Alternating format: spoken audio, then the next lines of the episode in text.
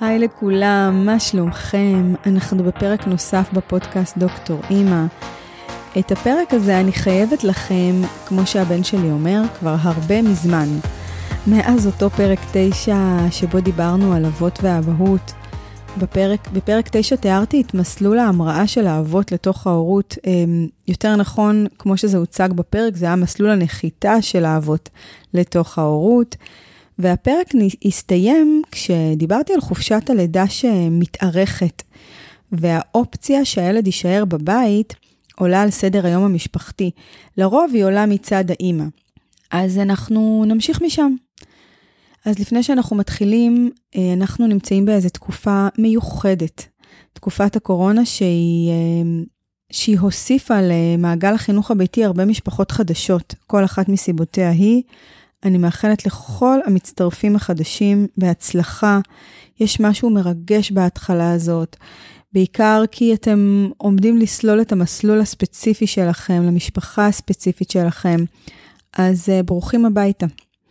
עוד מילה לגבי השינוי שאני מזהה בקרב האבות בחינוך הביתי. אני קוראת לזה איזושהי אבולוציה של אבהות בתוך החינוך הביתי. אז המחקרים הרבים שנעשו הם הצביעו על מגמה חד משמעית וברורה. האימא היא הבוחרת בחינוך הביתי, והיא גם המקיימת אותו הלכה למעשה. אז לפני שאני מתחילה פרק שנתמך בממצאים האלו, אני חייבת לומר שהיום, אצל המשפחות החדשות, אני מזהה מוזיקה קצת אחרת, יותר שוויונית. הבחירה יותר משותפת לשני ההורים. אה, יחד עם זאת, גם היום, השהות עם הילדים היא לא סימטרית, כן?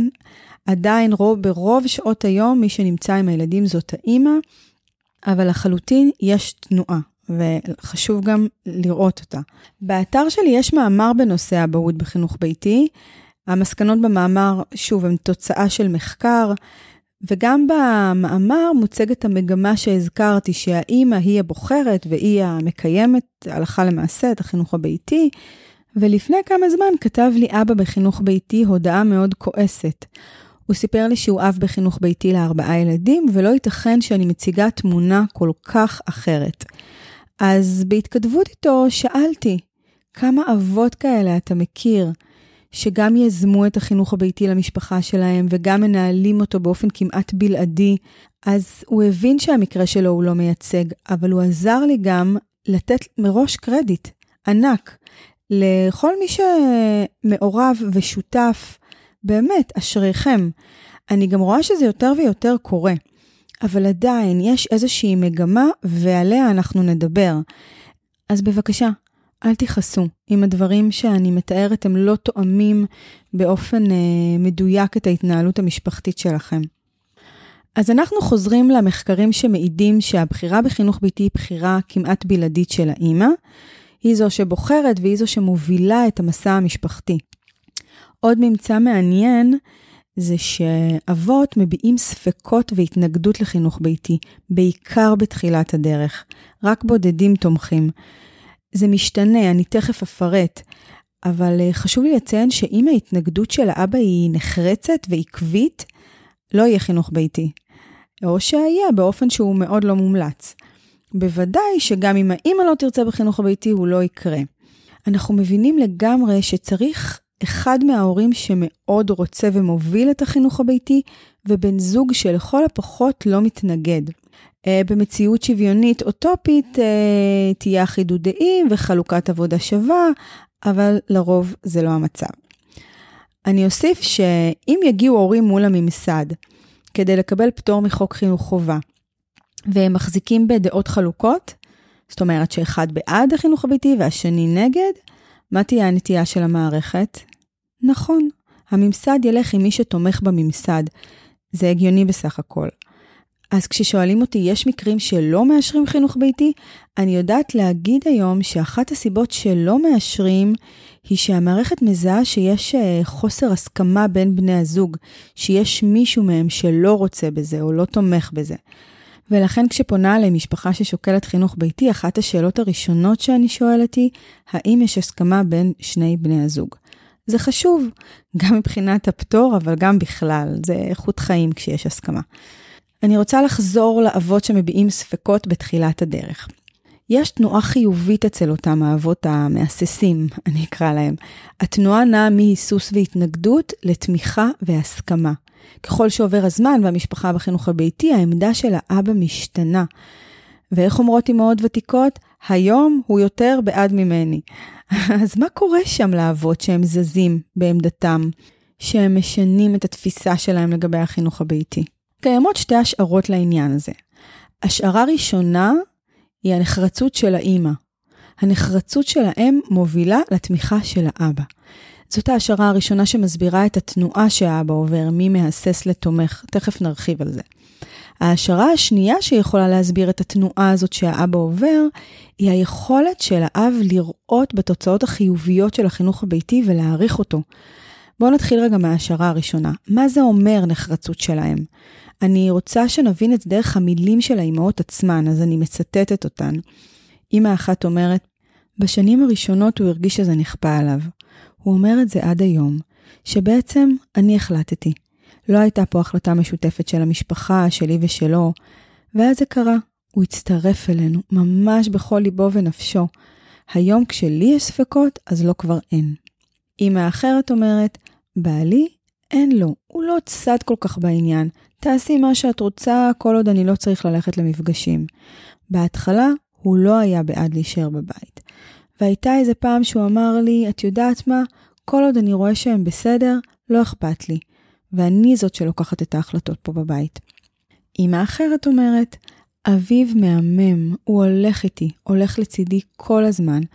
בהתחלה הוא היה זורק לי כל מיני הערות, והייתי אומרת לו, אין מצב, אני אגיע לפת לחם ואני לא אעזוב את הילדים שלי.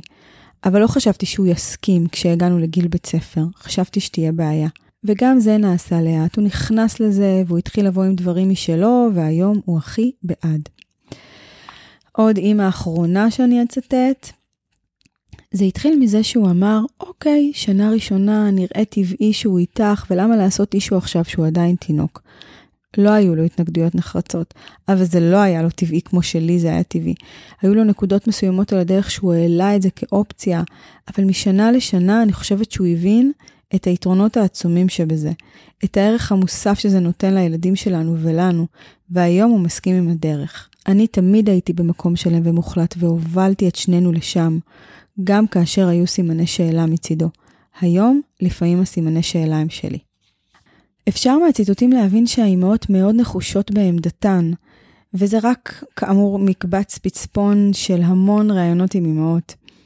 אני מאמינה שהורות בכלל, ובטח בתחילת הדרך, היא מאוד שבירה, עדינה, זה בדיוק העיתוי שבו הורים מהלכים באזורים של חוסר ודאות.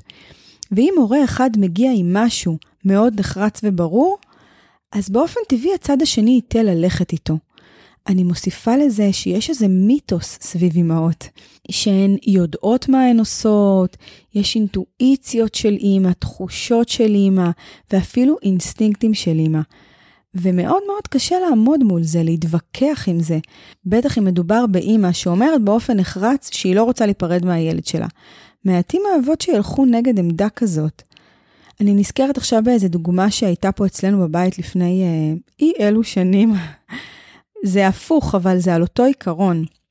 אני גדלתי במציאות שתינוק זכר עובר ברית מילה. בלי שאלות, זאת המציאות שגדלתי אליה, מין משהו כזה שהוא טאבו, ככה זה, וזהו. ובמהלך ההיריון עם, ה... עם הבן שלי לא כל כך התעסקתי בזה. ואז כשהוא נולד והחזקתי אותו, לא רציתי לעשות את זה. זה היה נראה לי לא הגיוני. ובן הזוג שלי, לעומת זאת, הוא היה מאוד מאוד נחרץ וחד משמעי. מבחינתו הילד שלנו יעבור ברית מילה. יאמר לזכותו שהוא בדרך כלל אה, גמיש בהרבה מאוד דברים, אבל העניין הזה היה הרג ובל יעבור מבחינתו. היו לו גם כל מיני הסברים, אבל בעיקר התחושה שאני קיבלתי ממנו זה שאין מצב שזה לא קורה. ואני הלכתי איתו. הוא נעמד על שתי רגליים אחריות. אני הבעתי אמנם הסתייגות וחששות, ובסוף זה קרה. אז אה, נכון שהוא התקרב אליי כמה שאפשר, בלי חגיגות, עם רופא, עם הרדמה מקומית, אבל זאת רק דוגמה להחלטה הורית שאחד מוביל והשני מצטרף אליה, בעל כורחו לפעמים. נניח לברית המילה ונחזור לחינוך הביתי. ברית מילה וחינוך ביתי זה לא תמיד קשור, למרות שכבר שמעתי את המשפט, אה, ah, אתם בחינוך ביתי, אז בטח הבנים שלך לא נימולים. זה מצחיק ועצוב. אז לסיכום העניין הזה, אני אגיד שספקות וחששות שהורים מביעים בכל נושא, זה לגמרי לגיטימי. אז אני חושבת שלפחות בואו ניתן לזה מקום בתוך השיח ההורי והזוגי, גם אם הצד השני מאוד מאוד נחוש בעמדתו. נחזור לעניין שלנו. דיברנו על שתי השערות שמסבירות איך האבות הופכים ממתנגדים לתומכים. האחת היא הנחרצות של האימא, שדיברנו עליה עכשיו, והשנייה היא התוצאות הטובות של החינוך הביתי. אבות רואים אה, מה החינוך הביתי אפשר והעניק לילדים שלהם, וגם להם כמשפחה, וזה פתאום הופך להיות לא רק שיח תיאורטי, זה החיים עצמם. אני אציג רק כמה מילים שאחת האימהות אמרה לי. בהתחלה זה לא היה פשוט. הרגשתי שאני מגנה על הגורים שלי, והשיח בינינו היה מאוד טעון. הרגשתי שאני בכל תקופה מרוויחה עוד זמן. ידעתי שזה הכי טוב שיש להיות איתם, אבל היה לי קשה לשכנע אותו, כי שנים ראשונות הן קשות בכל מקרה, ובאמת יש לזה מחיר לחינוך הביתי, אבל אני הסכמתי לשלם אותו.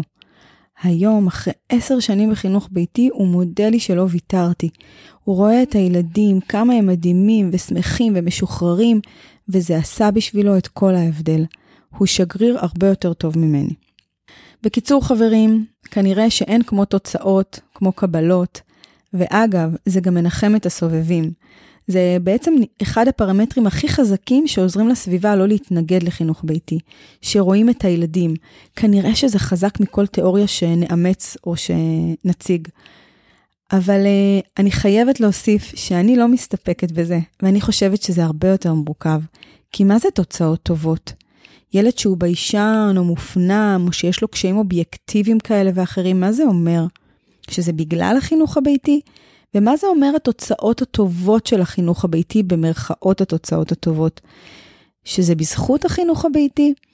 בתחילת הדרך לא התחכמתי, אמרתי, מה שמרגיע, מעולה, שירגיע. אבל היום, אחרי שצברתי ביטחון בדרך, אני יודעת להגיד, בעיקר לעצמי, שזה לא בגלל ולא בזכות. יש פה בחירה ויש בה הכל מהכל. היא לא מושלמת, היא לא מתיימרת להיות כזאת.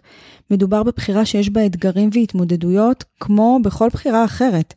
משפחות לא בוחרות בחינוך ביתי בגלל התוצאות המיוחלות. הן בוחרות בחינוך ביתי כי ככה הן רוצות לנהל את החיים שלהן, את המשפחה שלהן. מה שקורה הוא לא בגלל ולא בזכות, תזכרו את זה, בשבילכם. וכלפי חוץ, הייתי נשארת עם כדור ההרגעה הנחמד הזה. בואו נמשיך להסתכל על הדברים. במחקר המקורי נמצא שהאבות סיגלו לעצמם כל מיני דרכים כדי להתמודד עם החינוך הביתי, כדי להתמודד איתו טוב. אני יכולה לומר שלאחרונה אני מזהה ספקות גדולים גם אצל אמהות. זאת אומרת שספקות וחששות זה כבר לא מנדט בלעדי של האבות. אני חושבת שככל שיש שיח שהוא יותר מאפשר, האמהות מעזות יותר להתעסק עם הספקות שיש להן, ועם החששות שיש להן, ועם הקשיים שיש להן בתוך החינוך הביתי. אבל מה שמדהים לראות, זה שאימהות בוחרות להתמודד בדרכים שהן דומות לדרכים שהאבות מצאו. אני אציג דרכי התמודדות, הן נמצאו במחקר לגבי אבות, אבל כמו שאמרתי, הן נכונות לשני בני הזוג. בעצם הן נכונות לכל מי שיש לו אה, ספק או שהוא לא בטוח או סומך על הבחירה. הקטגוריה הראשונה היא שידעו כמו כולם. אני מזהה שלהורים רבים חשוב מאוד שהילדים יהיו בקצב הלמידה של בני גילם, בעיקר בחשבון, שפה, אנגלית, וזה יכול להיות, אה, זה נובע מכמה סיבות. האחת היא שיש איזושהי דאגה לבורות. אף אחד מאיתנו לא רוצה שיסתובב לו פה בבית מתבגר שלא יודע לקרוא ולכתוב, או שהוא לא יודע להתמודד עם תרגילי חשבון בסיסיים. וזה מגיע מתוך פרדיגמות שאנחנו מחזיקים לגבי למידה.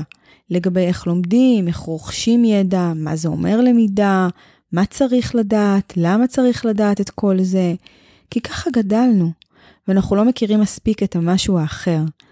אז אנחנו נתלים על משהו שניתן למדוד ולכמת, ותכלס, אם יש שיתוף פעולה מצד הילד ולא עולים קשיים, אז זה גם לא מאוד דרמטי מבחינת ההורה, שידע שיהיה בק... בקצב של בני גילו. והסיבה הנוספת שבגללה ההורים רוצים שהילד ידע כמו כולם, היא המחשבה על העתיד שלו בבית הספר. רוב המשפחות בחינוך הביתי לא מתחייבות על חינוך ביתי נצחי, ולוקחות בחשבון שמתישהו הילד ישתלב במערכת, אז מבחינתם, שיהיה מסונכרן עם בני גילו. דרך אה, נוספת להתמודד עם הבחירה בחינוך הביתי, בעצם הקטגוריה השנייה, קראתי לה מחוץ לבית. היא כוללת בתוכה עיסוק כלשהו מחוץ לבית, מחוץ לטיפול בילדים. במחקר המקורי, אבות העידו שמה שעוזר להם לאפשר את החינוך הביתי, זאת השהייה השגרתית מחוץ לבית. הם אמרו, אני לא הייתי מצליח לעשות את זה. הדבר המשמעותי ביותר אה, לאבות בנקודה הזאת, זאת העבודה. היא לרוב רצופה, שגרתית, אבל לא רק עבודה. יש אבות שמטפחים כל מיני תחביבים, מפגשים חברתיים, חוגים, ובמקביל לאבות, האימהות מדווחות שהן מוצאות לעצמן עיסוק שהוא לא הילדים.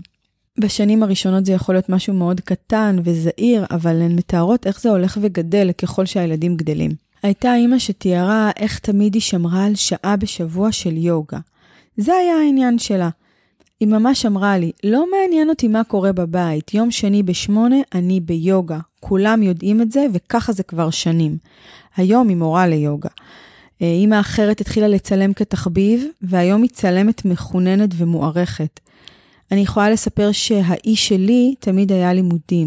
זה מה שהכי אהבתי לעשות, זה השאיר אותי חושבת, זה השאיר אותי בפוקוס, וגם באופן מסוים זה גם השאיר אותי מחוברת לעולם המבוגרים. מה שאני מנסה לומר הוא שגם האב וגם האם שומרים על משהו שהוא שלהם. אצל מי שלא מנהל את החינוך הביתי בפועל, העיסוק מחוץ לבית הוא שגרתי ורצוף ועונה על מקום מסוים. ואצל מי שמגדל את הילדים בפועל, שזה לרוב האם, העיסוק מחוץ לבית או מחוץ לילדים, הוא מתחיל ממשהו קטן ומצומצם, וזה גדל ככל שזה מתאפשר ובאופן טבעי. אבל המקום הקטן הזה, הנקודה הזאת, הזעירה, היא מתוארת מאוד משמעותית לאימהות. דבר נוסף שאני רוצה להתייחס אליו, וזאת בעצם הקטגוריה האחרונה, ואני מציגה אותה כמו שהיא נמצאה במחקר, כי לא מצאתי לה מקבילה אצל האימהות, וקראתי לקטגוריה הזאת, קשה לך, תשלחי. ואני אסביר. אה, אם עולה קושי או צורך מצד האם, ואני מדברת כרגע על, אה, על מודל שבו האם היא זאת שמובילה את החינוך הביתי של המשפחה שלה, אז במקרה כזה, כאשר עולה קושי, וזה יכול להיות כל דבר, לידה של ילד נוסף, צומת של חיפוש עצמי, קושי עם ילד מסוים, אה, רצון של האימא בזמן לעצמה, איזשהו משהו שנכנס לחיים של האימא שמטריד אותה מאוד וגורם לאיזשהו מתח בשבילה. כל דבר שמערער קצת את המערכת, האימהות מדווחות שבתקופות האלה, שבהן עולה קושי משפחתי או אישי שלהן, האבות ימצאו פתרונות מחוץ למערכת המשפחתי. דהיינו, קשה לך, את צריכה זמן, תשלחי אותם. האבות מייצגים נטייה לפתרונות מחוץ למערכת המשפחתית, והאימהות ייטו למצוא פתרונות בתוך המערכת המשפחתית. אחת האימהות אמרה לי, אני לא מבינה איך בכל פעם שאני מעלה קושי, הפתרון הוא לשלוח אותן. זה לא הגיוני. אני רוצה לראות שאם היו קשיים לאימא או לילד שנמצא בתוך המערכת, היו אומרים לה, תוציאי אותו. אז העניין הזה מייצר מתח אה, לא קטן בין בני הזוג. אני יכולה לשתף שאנחנו פה בבית סיגלנו קוד. בכל פעם שאני מתלוננת, מקטרת, עמוסה או מביעה קושי, המשפט שהוא אומר לי זה, מה יכול להקל עלייך? זהו, בלי פתרונות. כי הרי מה אני צריכה ברוב המקרים? רק שמישהו יהיה איתי בתוך הקושי. בלי פתרונות, כי פתרונות זה... אני, בפתרונות אני טובה. ובעניין הזה אימהות טוענות ובצדק שמותר שיהיה להן קשה, ומותר שיהיו אתגרים, ובטח שמותר ש... שלא הכל יעבור חלק, ויחד עם זאת, להמשיך בדרך. תראו, השיח הזוגי בשנים הראשונות להורות הוא מאתגר בפני עצמו. המעבר להורות הוא מעבר מורכב.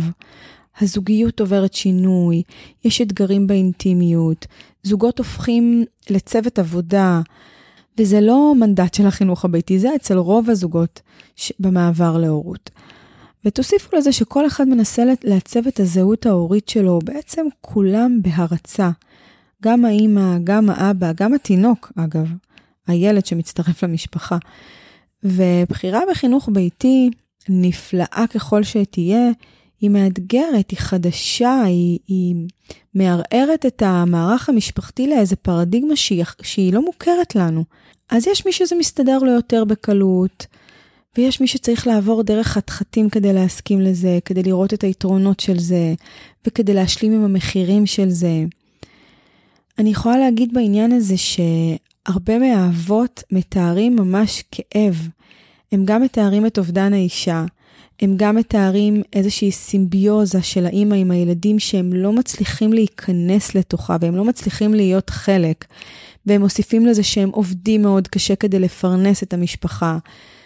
ובמקרים כאלה זה באמת אה, מציאות ששווה להתייחס אליה, שווה לעצור ולראות מה כל אחד בתוך המשפחה עובר.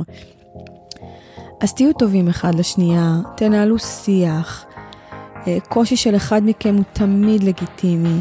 אפשר לדבר על הקשיים, אפשר לדבר עליהם אפילו בלי להאשים את הצד השני או לחפש תשובות אצל הצד השני.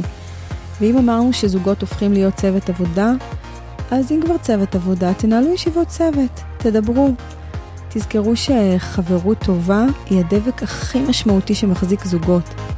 אז תהיו חברים טובים, כל השאר יגיע.